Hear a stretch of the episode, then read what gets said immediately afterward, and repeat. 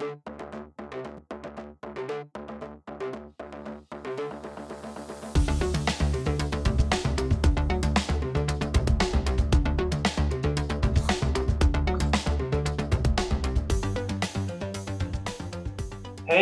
velkomne til fjerde episode av vår podcast Spøkelser etter avdøde størrelser.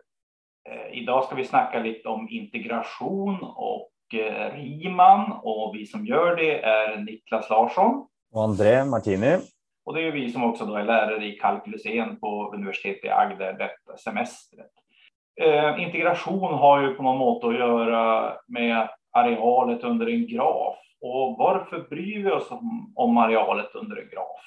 Det her er jo kanskje litt det jeg snakka om i, i, min forelesning òg, men, men, ideen er jo eh, typisk hvis du tar eh, tenker at du har en eller annen eh, funksjon eh, som beskriver farten i løpet av en tur eller noe, så kan man jo begynne å tenke seg om man bare ved hjelp av den kan finne eh, distansen man har eh, dratt.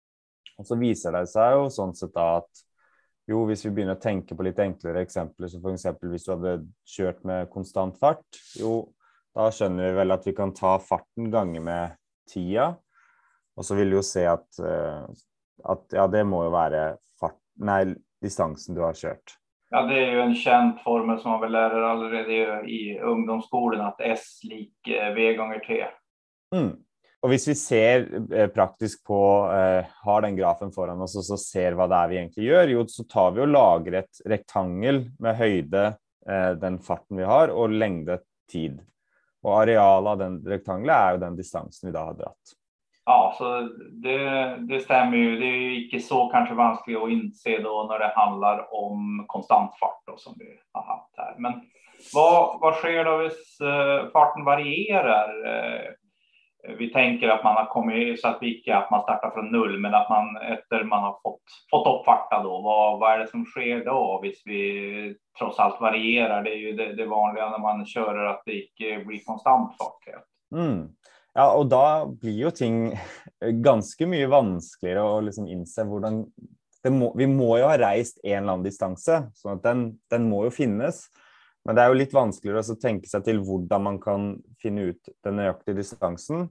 Så den gode ideen her er jo den å dra videre på den ideen fra konstant fart og tenke at ok, hvis vi nå begynner å, å estimere istedenfor, med f.eks. å ta og dele opp i små intervaller i den tida du har reist, og så tar du f.eks. den minste farten i de delintervallene, eh, og så summerer du opp da eh, hvor langt du har reist hvis du tenker at du har reist med konstant fart på de her små delintervallene. Jo, da får du et estimat som ligger under det ekte distansen du har reist. Og tilsvarende kan du selvfølgelig tenke den, den høyeste farten på de her delintervallene. Og få et estimat som ligger over. Ja, det mm. gikk litt, gikk litt fort her for meg, men det kanskje er naturlig når vi snakker om fart. Men ideen er altså at hvis vi tenker på hele reisen så, og tar maksfarten og ganger med tiden, da får vi jo en for høy verdi.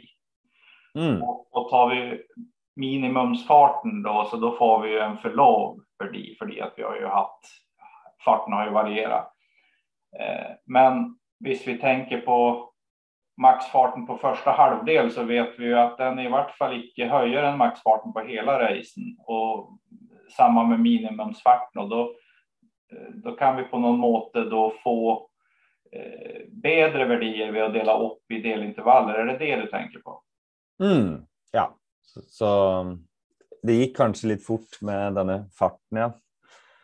Men, eh, men, ja, altså hvis vi begynner med å bare tenke hele lengden, som du sier, ja, så kan du jo ha et veldig grovt estimat med å ta den, den laveste farten, eh, eller farten du hadde da du begynte, og så laget, tenke konstant fart da, eh, kontra når du var på det høyeste hastigheten og tenker konstant fart, så vil du i hvert fall innse at ok, den ekte distansen du har kjørt, må ligge en eller annen plass mellom der. Og når du da f.eks. deler den opp i to deler, så kan du jo estimere de to med, på samme måte, da. Ja, og, det blir jo en, en, logikk i det hele, ja. Mm.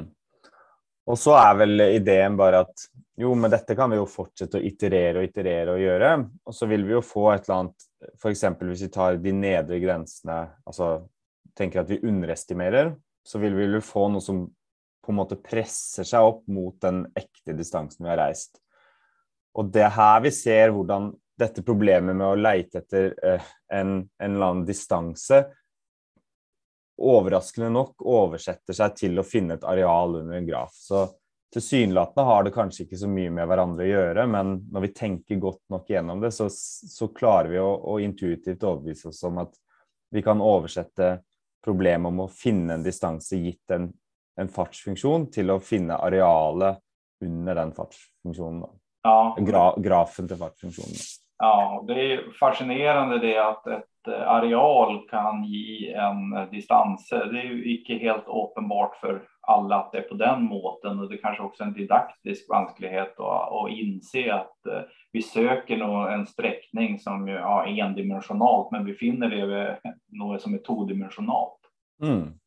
Og, det er jo kanskje mye av det som er fascinerende med matematikk, er at ofte man, man tar et problem og så oversetter man det til noe tilsvarende. Eh, men i en helt annen kontekst som er lettere å jobbe med. Og så kan man jo selvfølgelig spørre seg er det lettere å finne et areal under en graf enn å, å, enn å liksom løse det originale problemet sånn sett. Uh, ja. ja. Og her snakker vi jo selvfølgelig om ideer og modeller. for Har man kjørt bil, så finnes det oftest andre måter som er enklere å finne hvor langt man har. Mm. Men prinsippet er jo relevant? Og, og hvilke andre saker nå, nå, kan det i andre tilfeller være relevant å finne arealet under en graf? Jo, hvis man har jobba en god del med statistikk, så har, han, har, man vel kanskje blitt introdusert på det at man kan se for seg eh, også som at eh, sannsynlighet kan ses på som areal. Så igjen så er det en eller annen eh, Hva skal man si Du oversetter et problem til noe areal igjen, og da viser det seg f.eks. Hvis du snakker om normalfordeling, som jeg tror mange har hørt om, så vet man jo at arealet under eh, hele den fine Bell-kurva, det er jo eh, hele sannsynligheten for alt. Og så kan man jo begynne å snakke om dette med Ja, det er én blir vel arealet i det tilfellet. Mm. Ja. Mm. Ja, det är, ja, sannsynlighet kommer jo dette inn då när det er kontinuerlig sannsynlighet tror jeg det heter. Men vi skal vel ikke gå inn dypere på sannsynlighet, men der finnes i hvert fall eh, bruk for dette. Mm. Hvem var det da som begynte å se på dette? Det her, det her har vært kjent nok så lenge, tenker jeg. Ja, det var vel eh, Nå skal vi ikke hoppe for, for raskt til konklusjonen, men Newton og, og og alle disse på 1700-tallet og starten av 1800-tallet visste jo om eh, at har, har, du bare fine nok funksjoner, så, så, er det en eller annen sammenheng her med hvordan man kan finne det arealet. Men det var vel først eh, Riemann som faktisk satte seg ned og, og, formaliserte hvordan man sånn sett skal finne det her arealet, eller gi noe mening til hvordan man kan gi en verdi til disse arealene under grafene. Ja, og Riemann, det, da er det 1800-tall. 1826 ble han født, og han døde i 1866. Mm. Jeg har hørt at han studerte i Göttingen, som ligger i Tyskland, og at uh, Gauss var innblandet i det. Mm. Ja, så det er nok ganske mange kjente matematikere derfra. Um. Jacobi og Dirichlet, han med pigeonhole. Mm noen andre. Riemann har jeg hørt i andre sammenheng også. Eh, millenniumsproblemene, hva er det det er? Jo, det er jo disse Var det ikke syv stykker som ble eh, introdusert før 2000, eh, som de Hvis du nå løser en av de her millenniumsproblemene, så får du vel en million dollar, er jeg ganske sikker på. Og da er en av de problemene er Riemann-hypotesen, som kanskje er den aller mest kjente uh, uløste problemene innenfor matematikk, vil jeg tro. Hva handler det om? Det er vel noe sånt som å finne nullpunktene basically til en, uh, til en veldig spesiell funksjon, kan man si. Ja, og hypotese da betyr jo at man tror at den stemmer, men man vet det rett og slett ikke, for man har ikke funnet noe bevis for det. Og bevis er jo viktige i matematikk. Det fins skal ikke gå inn på det, men mer enn å si at det finnes jo eksempler der det kan eh, fungere for ti opphøyt i 100 tilfeller, men sen skjer det noe. Og da er det ikke så veldig lett å teste, kan, kan man innse. Nei.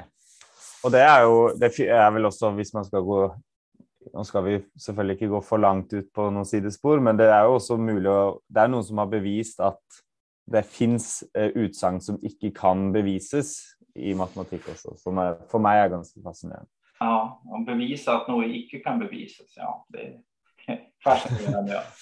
Men Riemann-integralet det har jo blitt nevnt i forelesning og finnes selvfølgelig også i boken og i alle tekstbøker om kalkulus og også kanskje i videregående. Eh, hva handler det om da? Hvorfor er det så smart? Jo, det, det, handler vel egentlig litt om uh, å formalisere den ideen vi, vi snakka om i introduksjonen av, av denne episoden her, da. Uh, hvor, hvor, hvor, vi basically tar disse oppdelingene, eller partisjoner som vi kaller det så fint, da, uh, av et eller annet intervall, og så lager vi disse rektanglene og summerer de opp, da. Det er vel sånn sett ideen bak Riemann-integralet. Mm. Og det gjør man da ved hjelp av Riemann-summer? Mm. Så, så Riemann-summer er jo kanskje ja, hva skal man si om det? det? Det, er jo den ideen med at du partisjonerer, så tar du vilkårlige punkter i hvert intervall, og så lager du rektanglene ut ifra de. Eh, mens vi har jo snakka mye om disse øvre og nedre Riemann-summene i timen, hvor vi eh, tenker på at vi jobber med kontinuerlige funksjoner, da, og så tar vi de minste verdiene i hvert intervall. Eh, for å lage rektanglene. Det er de nedre Riemann-summene. Og så tar vi de største verdiene, funksjonsverdiene, da, i intervallene, og så lager rektangler ut ifra de for å få de øvre Riemann-summene. Ja, og det var vel den ideen vi tok der med uh, man kjørte bil også, og distansen. Mm. Og for min del så er det jo den som, som, er lettest å holde i hodet når du skal begynne å tenke ut den ideen også, sånn sett. Yes, og Riemann var jo inne på den här idén men det finns ju också en som heter Darbo som kanskje egentlig er den som ligger bak det som vi ser på Nåsel. Han eh, var litt senere enn än Riemann, han levde inn på 1900-tallet. Eh, og Darbo-integralet og Riemann-integralet gir samme resultat, men prinsippet som vi ser på er vel kanskje heller Darbo, selv om vi mm. kaller det for Riemann-summer. Riemann ja, så jeg tror, eh, med mindre jeg har misforstått noe, så, så, er jeg ganske sikker på at eh, øvre og nedre Riemann-summer er nøyaktig det Darbo holdt på med. Han så, så du kan også kalle øvre Riemann-summer for øvre Darbo-summer. Og så har du da et Darbo-integral som viser seg å være tilsvarende Riemann-integralet. Ja. ja. Og det blir mye rot. Eh, det, det er fantastisk, eh, et fantastisk verktøy det dette, å kunne dele inn arealer arealet i deler og partisjonering og, og, få det til. Men det blir veldig mye rot, eller i hvert fall veldig mye jobb. Du har vel testet dette? Jeg har også testet det, men du har testet det med studentene? Ja, vi fant jo ut at vi ville prøve å regne et lite eksempel eh, ved å se på funksjonen x i annen. Eh, og prøve å partisjonere den veldig, veldig på en fin måte, hvor vi da hadde en uniform fordeling av hele 0-1-intervallet. Men eh, allerede da sant, så dukka jo opp en, en, sum som på ingen måte er triviell, eh, og som var den summen av kvadrattallet, altså 1 i annen pluss 2 i annen pluss 3 i annen opp til n i annen. Eller vi hadde vel 1 over n i annen pluss 2 over n i annen, da. Eh, men det er jo fortsatt denne summen som dukka opp. Uh, og hvis ikke du har hatt litt uh, ja, tallære, eller hva man skal si, så er det jo veldig vanskelig å vite hva den summen egentlig er. Og det er jo ganske naturlig å tenke seg at hadde du tatt x i kanskje tiende, så hadde du fått en sum som var noe én uh, i tiende pluss to i tiende osv. Hvordan i alle dager skal man egentlig klare å regne ut noe sånt? Det er jo ikke så lett å å se for seg. Nei, men det viser seg jo da, vi kommer jo til det i slutten her, at det finnes jo en snarvei eller en kobling som gjør at vi kan finne integraler på, ofte i hvert fall på en, på en uh, lur måte. Uh, når er en funksjon Riemann-integrerbar? Eh, ja, det, det finnes jo en god del kriterier f.eks. det vi har snakka om, er hvis den er kontinuerlig, så er det i hvert fall tilstrekkelig for å kunne si at da må eh, funksjonen være Riemann-integrerbar. Altså funksjonen er såpass pen og, og, glatt at ok, da gir det jo også mening at disse rektanglene gir et estimat som går mot dette arealet. Eh, men vi kan også da eh, integrere en del funksjoner som ikke er kontinuerlige. Mm. Ja, så typisk eh, Vi kan vel klare å se for oss at hvis vi har én diskontinuitet, f.eks., at vi får et hopp på grafen, men ellers er den kontinuerlig på resten av området, så, så gir dette ideen om et areal under den grafen også fint mening. Og, og da gir, får vi også at uh, funksjonen er Riemann-integrerbar. Og den, den, observasjonen kan man jo dra lenger til at man i hvert fall kan ha tellbart mange. Og det viser seg vel at du faktisk kan ha ja, ikke tellbart, men endelig mange. Men det viser seg at du kan ha det man kaller tellbart mange. Ja, tellbart uendelig mange diskontinuiteter. Så en, en trappetrinnsfunksjon, da får vi jo flere diskontinuiteter. Då, men det, går det, er vel ikke så intuitivt vanskelig å, å innse at vi kan finne arealet under eh, et trappe. Nei. Men hva finnes det for mangler med denne ideen om, å, om Riemann-integral eller Darbo-integralet, og summer og øvre og nedre kontinuitet? Hva, hva kan skje som, som går galt? Eh, jo, eh, det, da går man jo kanskje litt dypere inn på, på noe sånn eh, matematikk. Men eh, det typiske problemet er den her funksjonen som er null på rasjonale tall, og så er den én på de irrasjonale tallene. Som ikke, altså, ja. Og, eh, og, da vil man jo se at hvis du begynner å snakke om øvre og nedre Riemann-summer, så får du alltid null på de nedre og én på de øvre, uansett hva slags partisjon du gjør. Eh, irrasjonale og rasjonale tall de dukker jo opp hele tiden om hverandre. Ja.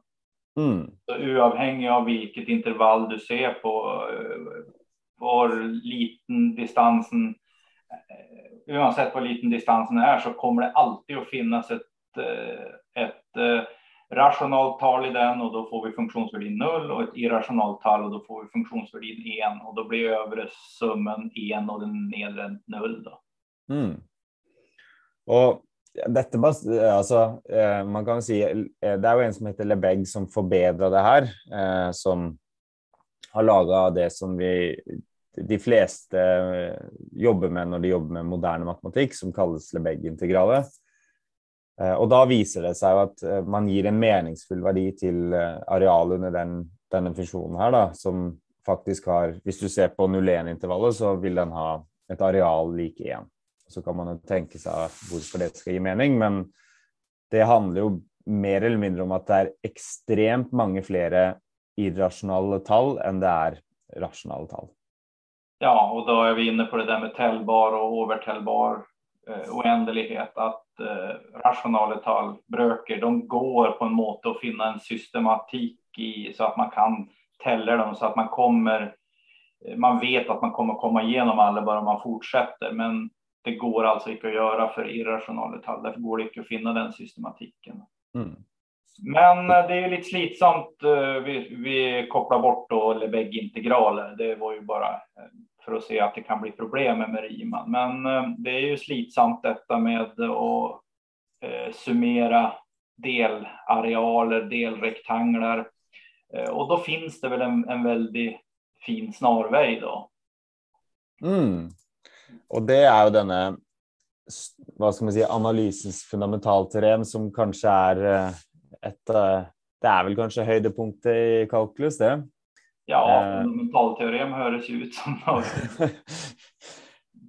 og, nei, så, og det handler jo om at hvis vi vet at funksjonen sånn sett er fin nok, eh, typisk kontinuerlig, så kan vi jo definere denne arealfunksjonen og tenke at ok, hvis vi har at ja, si f er, lille f er veldig pen på et intervall fra A til B, type at vi sier at lille f er kontinuerlig, eh, jo, for alle x-er på det intervallet så får vi jo en meningsfullt areal under grafen fra A opp til den x-verdien.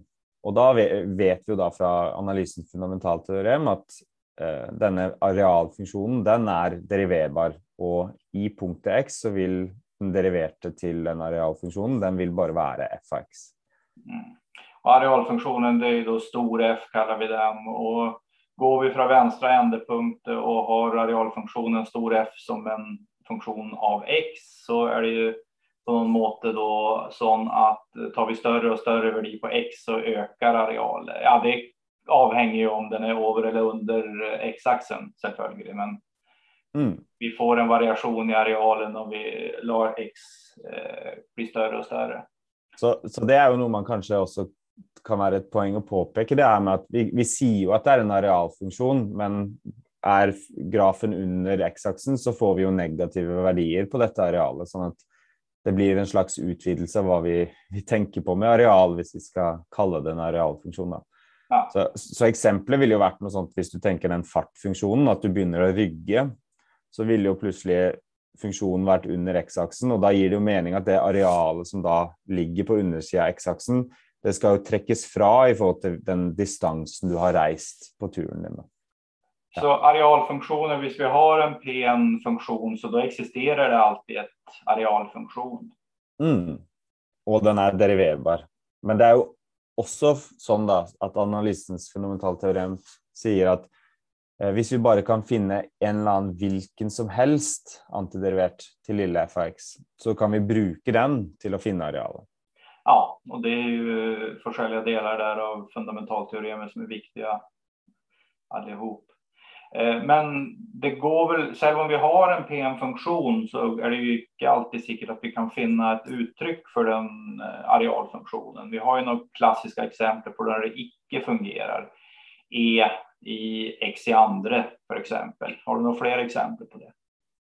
Ja, eh, er det ikke sinus til x i ente er vel et typisk eksempel, og kosinus eh, til x i ente tror jeg også er et typisk eksempel. Og så denne funksjonen vi har sett mye av, den sinus av x delt på x, tror jeg også er eh, et typisk eksempel.